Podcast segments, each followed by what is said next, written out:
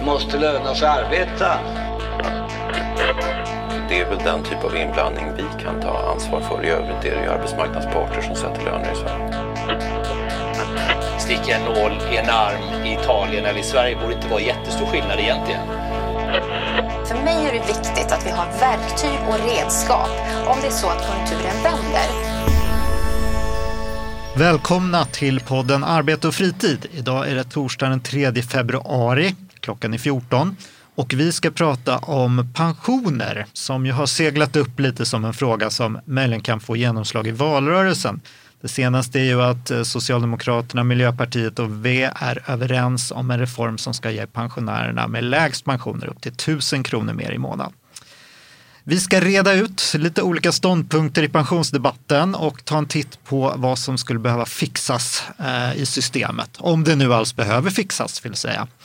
Med oss har vi som alltid Britta Lejon, ordförande för ST. Hej Britta! Hallå Mikael!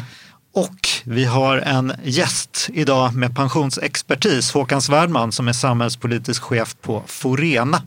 Det är förbundet för försäkringsbranschen det. Det stämmer det. Mm. Och eh, glad att vara här. Ja, jättekul. Förut brukade vi ju avsluta den här podden med eh, rapport från en jobbig värld. Jag tänkte att den, den fungerade ju lite som en så här, att man slår upp dagens tidning och säger något, var är vi idag, liksom, tidsmarkör i podden. Nu har vi faktiskt inte kvar den längre. Va?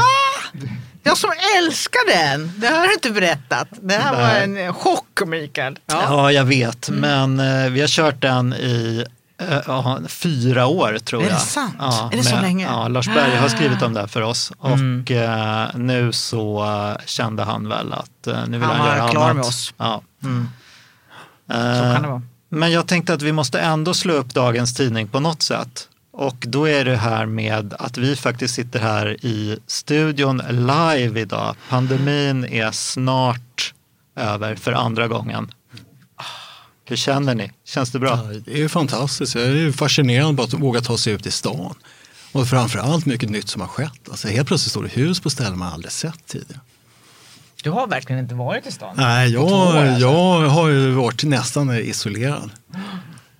jag är så lycklig. Alltså jag, blir, jag, jag, jag satt och tittade på presskonferensen och bara liksom kände bara livet återvänder. Och plötsligt gick det mycket bättre att sitta hemma i köket och jobba därför att jag vet att jag snart inte måste det är den där att någon annan säger åt en att man absolut, ja vad man får och inte får som är liksom, mm, nej gud vad skönt, oh, jag är så glad. Mm. Ja, det är framförallt att komma ut till människor och träffa mm. folk ja. förtroendevalda och, och vanliga möten och sådär. Jag har ju alltid jobbat mycket hemma så det, det här har ju varit vardag för mig tidigare. Men just det där att man har blivit klippt ifrån att kunna gå ut och ha seminarium och gå på träffar och träffa människor och diskutera saker och ting. Det är ju det man saknar, få ingen energi. Eller gå på restaurang, eller gå på, jag har saknat liksom teatrar, jag har saknat, jag har saknat restaurangbesök med vänner. Alltså det är så mycket som, som livet har, ja. Nu ska man inte. Vad är första, inte... första evenemanget du ska gå på nu då? Det första är att jag ska gå på restaurang med kompisar. Ja, okay. Ja, Förstås. Jag känner, ja, det, vi gjorde, Lars Berg gjorde ju faktiskt en satir när det här var aktuellt första gången. Då var det att mellancheferna hade svårt att återanpassa sig till ett liv i fångenskap. De fick mm. plockas ner ur träden av, mm. och samlas in av HR-personalen från eh, Humlegården. Här. Mm. Hörni, eh, bra. Vi ska prata om pensioner. Jag tänkte att vi börjar med att ringa in eh, problematiken, om det nu finns en sån. Det har ju varit lite debatt om detta också. Eh, ni på Forena släppte väl en rapport där ni liksom pekar på hur stor del av eh, sin tidigare lön man egentligen får ut i pension. Och det där har ju rasat från de här 60 procenten som mm. man föreställde sig från början ner till 45 procent idag, all time low. Sen släppte, släppte Alecta en rapport som visade att eh, pensionärerna, visserligen är den allmänna pensionen låg, men de har ändå eh, ganska hyfsade inkomster. Hur ser du på den där debatten Håkan? Eh, hur, hur har pensionärer egentligen? Behöver vi fixa systemet? Ja, jag tycker man måste skilja på de här två sakerna. Vad Alecta gör det är att de tittar på pensionärens totala inkomst och jämför med vad man hade för inkomster innan. Och så kan man hantera problematiken. Men vad vi gör på Forena som jag tycker också är centralt är att titta på vad är pensionssystem för någonting? Och vilka löften som är inbyggda i de här systemen som vi har byggt upp. Och dagens system som är ett resultat av 90-talsöverenskommelser var ju tänkt att det, det systemet skulle ge ungefär samma pensioner som det gamla systemet med folkpension och, eh, och eh, ATP.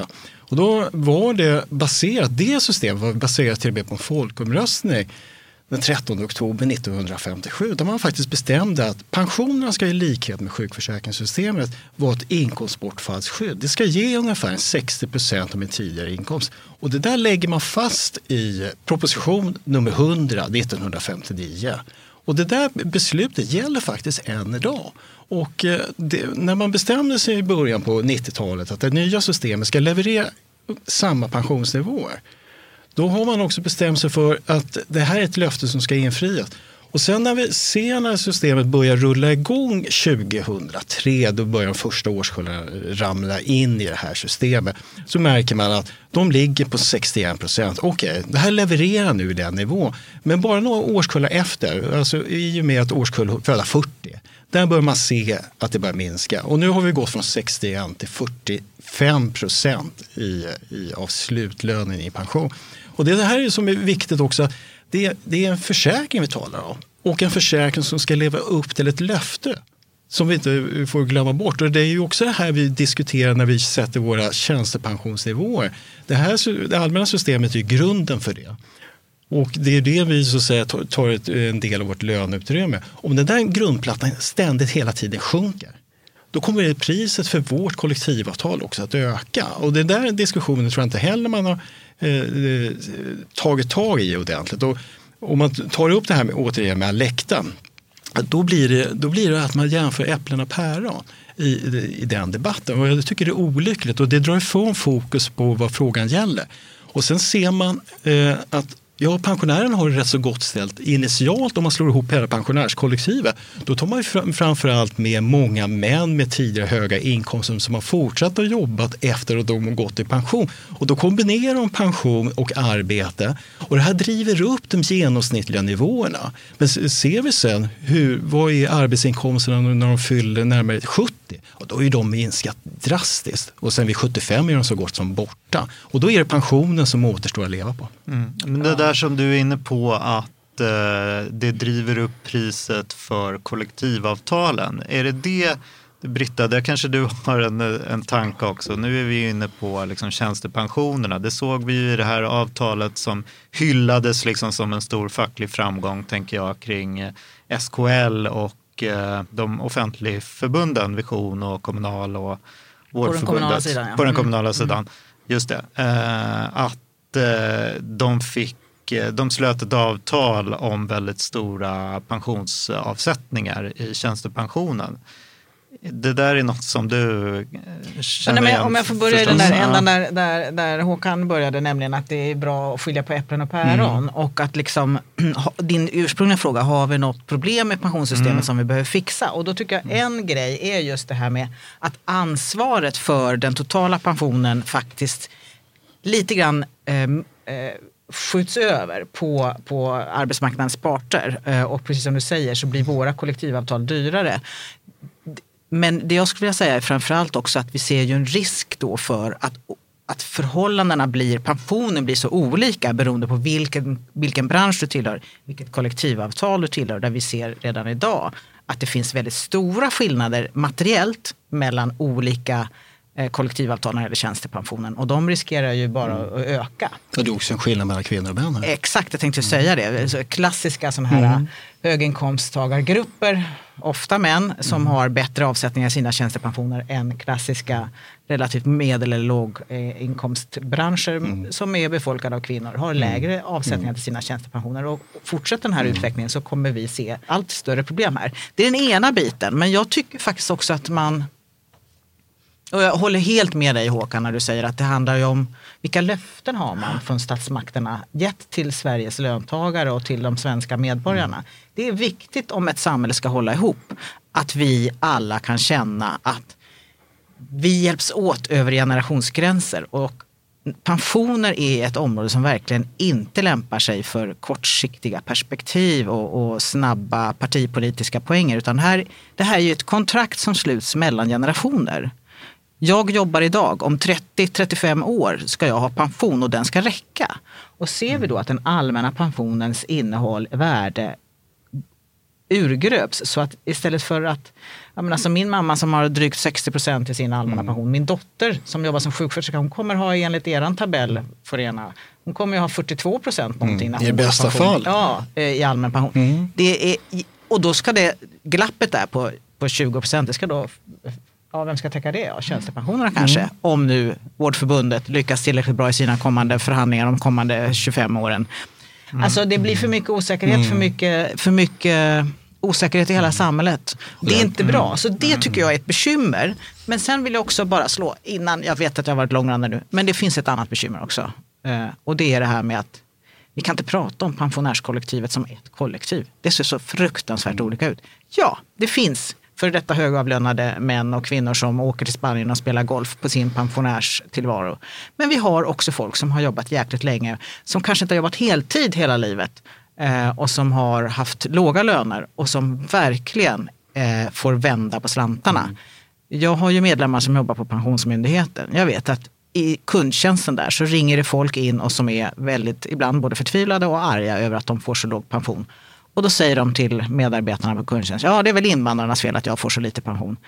Ja, det där är också ett bekymmer. Politiken måste ta ansvar för de beslut de fattar och eh, man måste också hålla de löften man har gett. Det är därför folk är så oerhört besvikna. Och förtroendet för systemet är så lågt. Man känner sig blåst. Mm. Helt enkelt. Man, man har lagt ner en stor del av sitt arbetsliv och trott på att det här systemet ska leverera. Och sen visar det sig att, eh, att ryggläge faktiskt ger samma disponibla inkomst som arbetsläge. Är, Inte riktigt, men skillnaden är ja, den är, liten. Är försvinnande lite när, mm. du, när du talar upp till löner till 25 000 kronor i månaden. Då är det är så, så gott som felräkningspengar. Ja. Mm. Och sen när du kommer upp i, i genomsnittslönen så kanske en tusenlapp, en 1500 kronor i skillnad i allmän pension. Det som gör skillnad är tjänstepensionen. Det är ju den som så att säga, levererar eh, standardtryggheten idag för människor. Ja men hörni, bra. Då går vi in på varför det ser ut så här. Då. Varför systemet inte levererar. Jag tänker att vi, man vill ju ha en liten guidning i eh, varför pensionsgruppen är så eh, förlamad liksom, och vad de här olika ställningarna går ut på. Men vi kanske kommer in på det genom att prata om det här senaste förslaget då, från Socialdemokraterna och Vänsterpartiet och Miljöpartiet som de enades om. Och då var det ju så att Eh, ja, de är pensionärerna med lägst pensioner, det var, handlade väl om en miljon pensionärer ungefär som skulle få upp till 1000 kronor mer i månaden. Eh, och det här skulle ju finansieras eh, via statsbudgeten då och inte via pensionsavgifter. Eh, så man rundar liksom den här förlamade pensionsgruppen. Vad tänker ni om det där förslaget? Eh, det kan ju också vara lite intressant att, att, att spekulera i om det kommer få stöd i riksdagen. Mm. Mm. Ja, två saker tänker jag på. Det är framförallt att pengarna behövs ju. Ja. Alltså det, är, det är ofrånkomligt så att pensionären behöver de här pengarna. Är, och alla är faktiskt överens om att de här pengarna behövs. All, eh, alla riksdagspartier säger att pensionärernas ekonomiska situation är för dålig. Framförallt eh, de som har haft låga och medelhöga inkomster under sitt arbetsliv. Så där finns en samstämmig bild. Och sen nummer två som är bra med det här förslaget, det visar på att pengarna finns för en förändring. Och en förändring som faktiskt kan återställa systemet. Och det är det som jag pekar på tidigare, för att komma tillbaka till försäkringsidén från den här bidragslinjen som man nu har slagit in på. Men det kostar 9,2 miljarder det här. Det tillägget som man konstruerade i höstas som kallas för inkomstpensionstillägget är också ett bidrag, det går via statskassan. Det kostar ungefär 7 miljarder, så då är vi uppe i 16 miljarder. Att återställa systemet, det ordinarie pensionssystemet, att skruva upp pensionsrätterna skulle kosta ungefär 14-15 miljarder. Så det här visar på att pengarna finns i, eh, inom ramarna så att det, det är ingen extra kostnad att så säga, återställa systemet till sin ursprungliga idé. Jag vet ju inte om samsynen är sådär total när det gäller behoven. Jag tror att det kanske ändå skiljer sig lite grann. Men att det behövs för mm. de som har lägst, det, mm. det, verkar ju alla vara överens om. Sen är det ju precis som du säger att man ser olika vägar som olika bra. Man kan väl säga att det här är väl, ger åtminstone mig intryck av lite av en nödlösning. det som nu föreslaget. Ja, grad. Inför, inför det val som vi har och inför liksom behoven och trycket från fackföreningsrörelsen bland annat om att det behövs. Liksom. Eh, och sen naturligtvis att det handlar om partipolitik. Alltså det här var ju också en, en, ett, ett, eh, ett krav från Vänsterpartiet för att kunna stödja regeringen. Eh, Så att det är ju många olika anledningar till varför vi befinner oss där vi befinner oss just nu med det här förslaget. Din fråga om det här kommer att gå igenom, det vet man ju inte. Men jag skulle nog våga mig på att sätta faktiskt lite pengar på det ändå. Eh, därför att Sverigedemokraterna också har varit ute så mycket och pratat om vikten av höjd, höj, högre pensioner. Jag tror att de skulle få en väldigt svår svekdebatt inför valet om de inte stöttar det här. Eh, även om de kanske hade önskat sig något annat. Men jag, jag, tror, att, jag tror faktiskt att det av det skälet kommer att gå igenom. Mm. Det är politiskt självmord att bara gå ut och säga nej till det här förslaget. Framförallt för SD, Sverigedemokraterna, men även för de andra blir situationen nästan helt ohållbar under en hel valrörelse. Där de som säger ja till det här säger till motståndarsidan, ni är emot en förstärkning av pensionärens ekonomi som ni själva säger är nödvändig. Det här håller inte ihop och då, då har man 2,3 miljoner väljare mot sig direkt och en miljon som är direkt berörda. Var, jag tänker vi kan gå in på varför man måste gå den här vägen då, via statsbudgeten och särskilda bidrag eller vad man ska kalla det. Eh, varför är pensionsgruppen så splittrad? Som, som jag har uppfattat lite grann så kan man väl säga att Vänsterpartiet vill, vill ju värna dem med lägst pensioner och då hittar man på de här lösningarna. Socialdemokraterna och Miljöpartiet vill ju höja pensionsavsättningarna, avgiften och pratar om att man ska gå upp från de här 17,21 procenten som man betalar idag eh, via arbetsgivare och löntagare till 18,5 då som det var tänkt från början. Moderaterna, Kristdemokraterna och väl även Centern i någon mån vill istället då sänka skatten, särskilt för låg och medelinkomsttagare. Lite oklart hur, hur långt och hur mycket de, de vill gå på den vägen eh, kanske. Eh, och Liberalerna är, är ganska nöjda som det är, men, men är också inne på det här att höja bostadsbidrag, och, ja, men lite som Vänsterpartiets eh, linje nästan. Det, det aktualiserar ju frågan, eh, liksom, vem ska betala om pensionerna ska höjas? Är det staten, är det arbetsgivarna eller är det löntagarna? Är det, är det det man bråkar om lite grann? Kan man säga så? Nej, jag tror att det är skälet till att man inte kommer överens. Det är av rent taktiska skäl. Alltså man, oppositionen eh, i pensionsgruppen, oavsett om den är röd eller någon annan eh, färgkombination, oftast är alliansblå, då, då, har eh, eh, satt i system att sätta sig emot förändringar. Man vill inte låta den sittande regeringen ta cred för förbättringar för pensionärerna. För det, det ger så mycket mervärde för sittande regering. Och då har man eh, satt i system att vara emot. Och det gjorde Socialdemokraterna under sin tid när Ulf Kristersson satt eh, i ledningen för eh, pensionsgruppen. Och exakt samma agerande. Det är ungefär som FNs säkerhetsråd. Man har vetorätt. Man släpper inte igenom då. Av, eh, av det enkla skälet. All, och det, det tråkiga är ju att det, den här vetskapen om bristerna i det svenska pensionssystemet det har ju pensionsgruppen känt till de senaste tio åren. Så att det här är ju ingen ny situation. Utan eh, det har man ju utrett vid ett otal tillfällen. Det här med höjd pensionsålder. Diskutera, senast så gjorde man en överenskommelse 2017 om man ska titta över det här med pensionsrätten eh, om den ska höjas eller inte. Så att eh, medvetenheten har varit väldigt stor men handlingskraften har ju uteblivit totalt. Finns det en tidsaspekt här också? Eh, jag tänker om man betalar ut pengar till de som går i pension idag eller om man skjuter på utbetalningen så att eh, det blir framtidens pensionärer som får eh, större inkomster. Jag kan tänka mig att om du tro, några tror att pensionssystemet, om man ska höja pensionsrätten, att effekten blir så sentkommen i och med att man måste arbeta in den höjningen då för att det ska ge utdelning i en höjd pension. Just är det, en det sån föreställning. Men det är en avgiften. illusion det där som man har varit väldigt mån om att odla. Att ungefär att det fungerar som ett så privat pensionsförsäkringssystem. Att jag betalar in min avgift först och sen kommer den lagras någonstans och sen är, finns det där kapitalet och sen om 40 år så kan jag lyfta ut Nej, men en det bygger väl mer på att pensionsrätterna alltså, ökar Ja. med tiden och då Ja. har man rätt till mer utbetalningar Ja, så är- småningom. det men man får inte så- samma liksom, boom direkt som Ja, om man ja. hade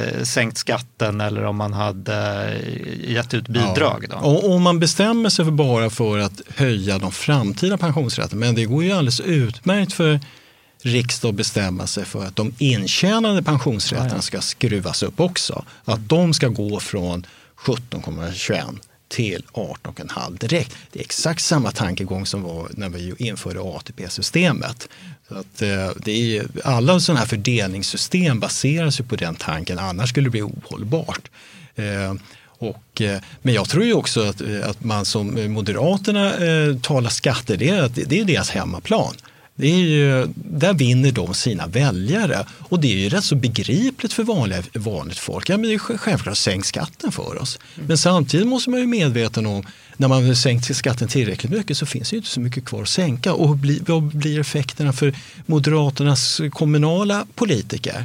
till slut. Den kommunala skattekraften kommer ju erodera om man fortsätter på den inslagna det, vägen. det låter lite på dig som att det där är bara ett förslag för att sätta stopp. Det finns inte så mycket där att hämta. Jo, initialt kan man ju tänka sig att det finns det. Men eh, för nästkommande generationer moderater blir det problematiskt när man har fortsatt på den inslagna vägen. Till slut, man måste ju ha en pension att betala skatt på till slut.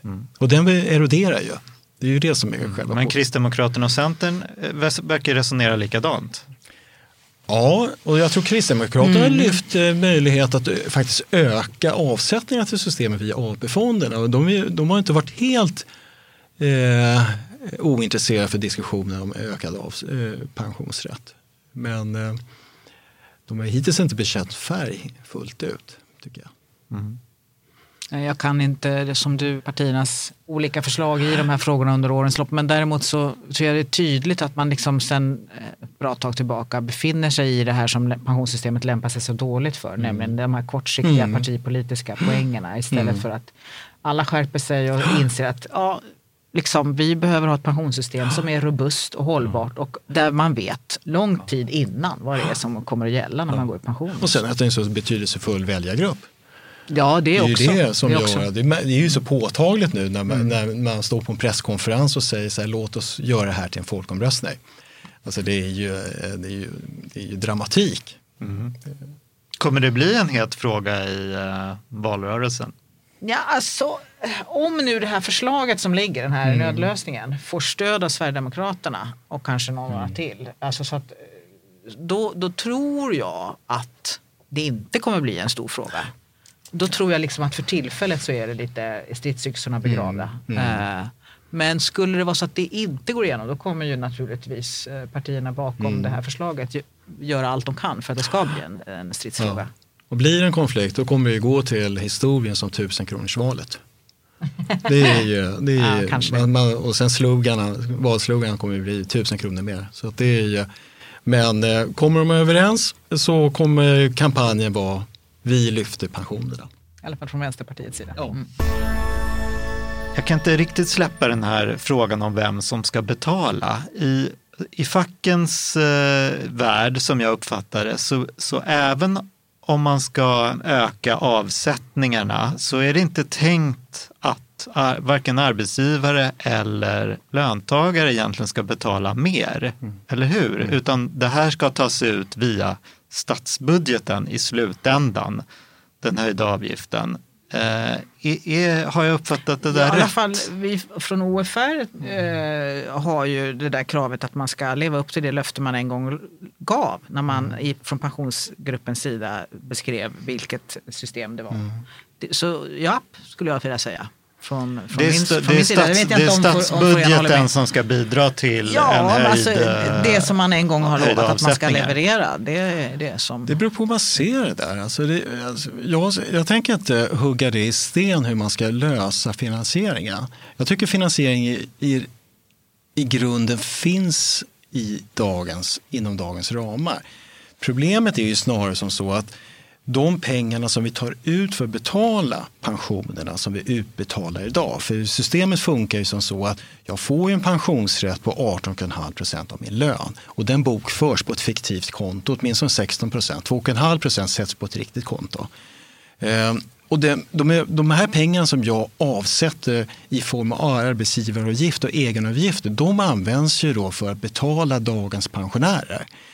De avgiftsintäkterna är det faktiskt högre än vad som krävs för att systemet ska finansieras. Och då frågar man sig lite av vän av ordningen, vad tar de pengarna vägen? Jo, de går in i statskassan för att betala andra åtaganden.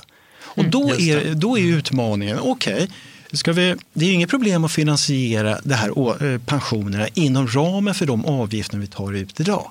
Problemet är eh, finansministern att ställa sig frågan hur ska jag betala kalaset för de sakerna jag betalar med pensionsavgifterna idag? Just det. Så och där det... blir det en, en, fråga, visst då är det sta, via statsbudgeten då, då. Mm. men då handlar det om att uh, göra förändringar inom statsbudgeten och där, kan, där finns ju en hel palett med så att säga, möjligheter att så att säga, lägga om det. Det bästa kan jag tycka eh, vore om vi kunde komma till en skatteöverenskommelse i det här landet där vi bara tar ut arbetsgivaravgifter som en socialförsäkringspremie för sjukförsäkring, arbetslöshetsförsäkring, föräldraförsäkring, pensioner, arbetsskador. De, för de eh, förmånerna tar vi ut avgifter. Då kan vi sänka arbetsgivaravgiften. Okej, okay, men då måste vi å andra sidan höja det direkta skatteuttaget eller faktiskt kanske också diskutera förändringar i, inom statsfinanserna i, i storleksordning kanske 180-200 miljarder. Men det är min dröm. Den kommer ju aldrig uppfyllas. Men Varför ser... kommer den inte det? Det låter ju som någonting som till och med arbetsgivarna skulle kunna vara med på. För de klagar ju också ja, på att en del att av de här avgifterna ja, går in till statskassan. Men jag tycker man har ingått en, en ohelig allians där. där man, man för en del av de här eh, överskotten från arbetsgivaravgifterna går ju tillbaks delvis i form av skattesänkningar. Dels den här skattereduktionen för pensionsavgiften som jag betalar själv. Det är ju nästan ingen som har upptäckt. När man får deklarationen i, maj månad då kommer det ju stå så där. Du har en pensionsrätt, du har betalat en pensionsegenavgift på 7% av din inkomst. Det är kanske 60 000 för någon. Och då har du fått tillbaks motsvarande belopp i skattereduktion. Då tänker man för vän och ordning vem tusan har betalt min avgift om jag får tillbaka min avgift? Men det är nämligen som så att jag har betalt för mycket arbetsgivaravgift och nu får jag tillbaka en del av det. Men det, det här trixandet, det är ju ingen som har överblick på. Och då kan man lättvilligt stå och säga så här, ja men ska ni höja pensionsrätterna då måste ni också vara beredda att tala om hur det här ska betalas. Och, eh, och då vill man inte riktigt erkänna hur det här systemet är uppbyggt. Och det är ingen politiker, ingen socialförsäkringsminister sedan 1990 när man inför den här rollen som har blivit dragen till KU för att de ägnar sig åt ett trixande med lagstiftningen på den här punkten. Men däremot dras man ju dit om man råkar säga att man till exempel älskar gruvor och sånt där. Då får, blir man KU med. Men att trixa med 200 miljarder, det går alldeles utmärkt. Varför blir det så? Jo, för det andra gänget, oppositionen vill ju göra samma sak. Det är ju det som man, det är vad jag kallar för att man, man skapar politikens funny money. Det är, där man, det är där man skapar reformutrymmet. Men det är ingen som pratar om det. Men parterna är ju egentligen emot den här ordningen. Vilken på något sätt. Både fack och arbetsgivare. Ja, vi är emot att rätt pengar inte används till pensionerna. Ja. Mm. Mm. Precis, och, men politikerna har svårt med att gå i mål med det här därför att då, då får man skattehöjningar i andra änden. Liksom, mm. om, man skulle, om man skulle ta bort den här så att säga dolda skatten på arbete. Mm. Jo, för det är så enorma pengar. Mm. För då måste du ta en fundera, hur ska du få in de här pengarna? Och då, det, då måste du förmodligen höja momsen. Inte särskilt populärt hos vissa partier. Du kanske måste börja fundera på fastighetsskatten. Du kanske måste också kanske fundera på någon, kanske någon neddragning någonstans. Då blir det obe, obehagligt. Mm. Eh, så att det är det som är motståndet och det där fattar folk. Det här med den dolda beskattningen, det är ingen som begriper. Mm. Det är ju bara sådana som jag som andas pensioner och regelverk. Alltså. Och de politiker som håller på med det här, ja. föreställer jag mig. Ändå. Ja, jag är inte riktigt säker. Jag är absolut inte säker på det där. Nej, Nej så att, eh, det är långt ifrån. Och, eh, och det där kunskapsnivåerna kring socialförsäkring för överhuvudtaget bland politiker är ju Sen ska man kanske vara lite självkritisk. Vi har väl kanske inte tillräckligt heller hårt från fackföreningsrörelsen drivit på här. Vi har ju belyst det här. Mm. Uh, och vi har ställt krav på att man ska leverera det man faktiskt en gång lovade. Så. Mm. Men uh, det är väl först på sistone det börjar bli lite, osa lite hett kring mm. öronen kring politiken. Eh, faktiskt. Skulle man sänka arbetsgivaravgiften till den nivå som är nödvändig för att betala socialförsäkringarna skulle det öka löneutrymmet för en normal löntagare med 2700 kronor i månaden innan skatt. Men då är det såklart, så mycket. ja, men då måste vi också ta en del av det här tillbaks in i form av skatt också. Men det är en, den, om man bara ser rent pengamässigt för en enskild löntagare så är det alltså stora belopp vi talar om. Bra klargörande tycker jag. Fick vi en siffra också? Ni kanske har svarat på det här redan, men era förslag då? Om ni fick bestämma, vad skulle göras? Ja, jag, tycker, jag har i alla fall svarat för vad, vad mitt förbund och OFR som vi ju i vår förhandlingskartell, vad vi har lagt för förslag, tycker jag. Nämligen att man ska leverera till de löften man har, liksom en gång gav. Det är 18,5 och inte 17,2 eller vad det nu är för något. Mm. Men jag vet inte om du vill säga någonting mer? Nej, jag instämmer fullt, he- helt och fullt i det. För det är ju där grundproblematiken ligger. Och sen är det, den sekundära frågan det är hur man ska så säga, finansiera det här. Så ja. det, men eh, det är i, I grund och botten är det här väldigt enkelt. Alltså vi, vi har ett pensionssystem som ska leverera 60 procent av min tidigare eh, lön. Och då har man räknat baklänges helt enkelt. Att man måste sätta av 18,5 procent av sin lön någonstans mellan 40 till 50 års yrkesarbetande liv. Och sen måste man ha en pensionsålder som följer med livslängden. Nu uppstår problemet. De flesta av oss kommer att nå fram till pensionsåldern ledigt utan några större problem. Vi, trots att vi är 70 år så kommer vi ha en eh, fysisk kapacitet och intellektuell kapacitet som motsvarar ungefär vad 50-åringen hade på 70-talet. Men många av oss kommer inte nå fram på grund av att vi försöker befintligt skick. Det är hälsa, det är arbetslivet som sätter hinder. Och där är den stora utmaningen. Hur fångar vi upp de människorna? Hur fångar vi upp till exempel min brorsa till exempel som jobbar som kock eller min syster som jobbar som undersköterska. Där blir Det en utmaning. För de kommer, men när jag kan ju sitta här och bladdra så säga, pensioner ända säkert fram till 80-årsåldern helt utan problem förmodligen. Alltså. För det här det är inte särskilt fysiskt ansträngande. Min- Min utmaning var ju att gå hit, inte sitta här. Nej men äh, det är jättebra att du lyfter det för det, det räcker ju inte naturligtvis bara liksom, den totala nivån utan det är precis som du säger, dels, dels ser inte arbetslivet ut som så att, att folk orkar jobba. Det finns fortfarande jättemycket slitiga jobb och påfrestande jobb och, som verkligen man inte kan jobba tills man liksom är 65-67 eller ännu mer. Men sen har vi också en annan problematik som vi inte hade förut och som man inte tog höjd för. Och det är ju också att vi har invandrare som jobbar kortare tid i våra, i, på svensk arbetsmarknad och därmed tjänar in pengar till sin pension mycket kortare än de här 40 åren som du pratar om. Så det, det är också en ny puck som Ja. vårt nuvarande system inte tillräckligt väl omhändertar. Eh, Vi har ju liksom den här garantipensionen och de där. så det finns ju någon bottenplatta. Men, men vi kommer säkert om ett tag, ganska snart misstänker jag, ha en diskussion om att vi har folk som har invandrat hit och som har jobbat hyfsat länge här och betalat mycket. Eh, Men inte 40, liksom, långt ifrån 40 år, eh, utan kanske 15, 20 så. Ja. Men som en, och som då ändå också får bara fruktansvärt lite i Mm. pension och som känner, ja men hallå, jag har ju ändå ba- jobbat och betalat in här i 20 Mm. år. Eh, Så att, och det, det är inte vårt nuvarande system konstruerat för att ta hand om Nej. tillräckligt bra tycker jag. Så att både de här som, som har slitiga jobb, Mm. alltså de här klasskillnaderna som alltid finns liksom, och som vårt nuvarande pensionssystem inte riktigt tar om hand. Och Mm. det här, ja men det är också en sorts klassfråga. Att man inte, när man inte har jobbat tillräckligt länge här. Hur länge, ska vi, hur länge ska vi jobba då? Nu, är, nu pratar man om en riktålder som ska vara 67 år. Vad, Mm. Hur ser ni på det här? Vilka orkar och eh, vad är rimlig, rimlig ålder? Det går inte att säga tycker jag. Därför att det ser så olika ut. Jag tycker ju att eh, man ska jobba så länge man vill. Alltså, eh, så länge man orkar och tycker det är kul. Och det där är en utmaning för fackföreningsrörelsen. Se till att det är kul, att det är givande, att det ger eh, att Det är, väl en, det är extra- väl ett ansvar för arbetsgivaren att se till Ja, att man ja, kan. ja, ja, men vi ska ju medverka i det såklart. Jo, det. Men eh, om man så att säga inte når fram till mållinjen, det är ju där som är utmaningen. Dels är de grupperna som kommer sent in på arbetsmarknaden som på grund av att de har invandrat eller studerat alldeles för länge. Eh, alldeles för länge, ja, ibland Ja, gör man ju det faktiskt. att, det men man, det man, någon- man, man det studerar. någon här som känner igen sig? Ja, nej, men man, att man studerar eh, eh, under längre tid och då, då, är man, då är man förlorare i det här systemet och då måste man också ta sig en funderare hur kan man låta de här grupperna försöka kompensera eh, sin eh, så att säga, förlust, pensionsförlust och där har vi ju slarvat också med att eh, det finns ju väldigt dåliga förutsättningar idag att ha ett eget privat pensionssparande att kompensera. Och det behöver man inte ha. Vid. Alltså ibland ser vi ju, sätter vi fokus på att det här ska vara att jag köper med en egen pensionsförsäkring. Men här kan jag tycka att det finns ska det finnas möjligheter till att spara extra i sin tjänstepension. Att man trycker in mer pengar där. Idag är inte det lönsamt för de som har en lön under 44 000. Det kallas för löneväxling.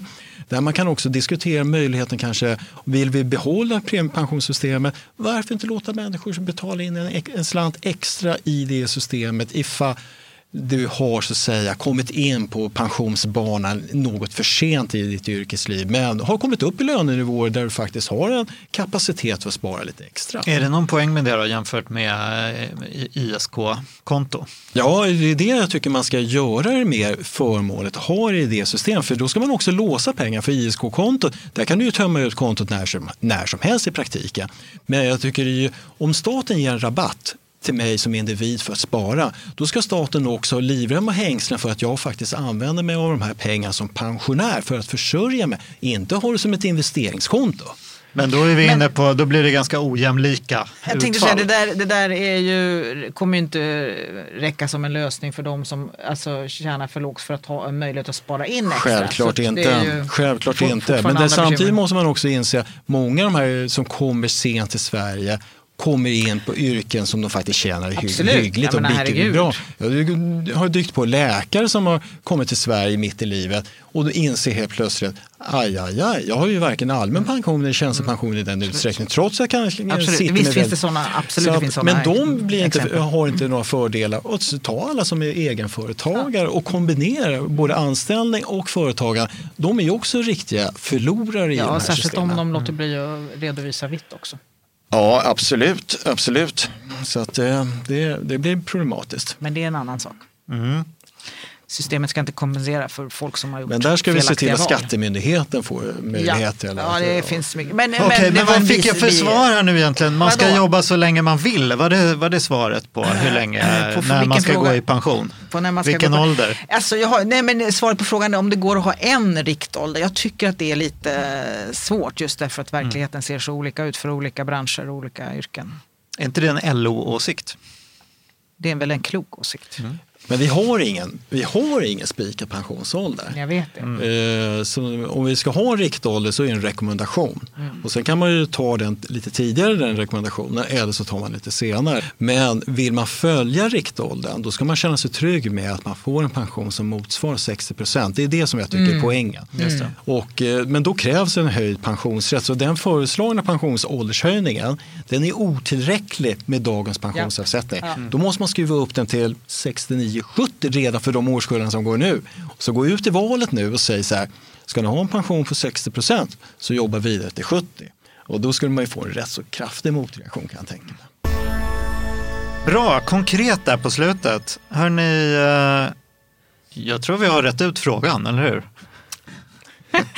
Det, det kanske var att ta i lite då Ja, Mikael, men, men en, en högre nivå av, av eh, medvetenhet. Ja, kanske. i alla fall i grunderna för det. Sen det finns det mängder med massa små detaljer som man skulle kunna grotta i. Hörni, jättebra. Eh, Stort tack Håkan Svärdman för att du kom hit idag, Mm. snacka pensioner. Tack själva för att Ja. jag fick vara med. Roligt. Britta, tack som alltid. Tack själv. Eh, och vi ska tacka Henrik Andersson Fågel eh, som har, klipper podden idag. Ny, ny förmåga här i studion. Vi är tillbaks om cirkus två veckor igen och eh, då hoppas vi att ni lyssnar. Vi kan väl passa på att säga sånt där som vi alltid säger att man ska prenumerera på podden så man inte missar några avsnitt. Så ska man naturligtvis följa arbetsvärlden. Om man gillar det här gillar man arbetsvärlden också. Eh, och det gör man på i sociala medier förstås, eh, Facebook och Twitter och LinkedIn och eh, Instagram och på sajten arbetsvärlden.se. Hörni, som sagt, vi ses igen om två veckor.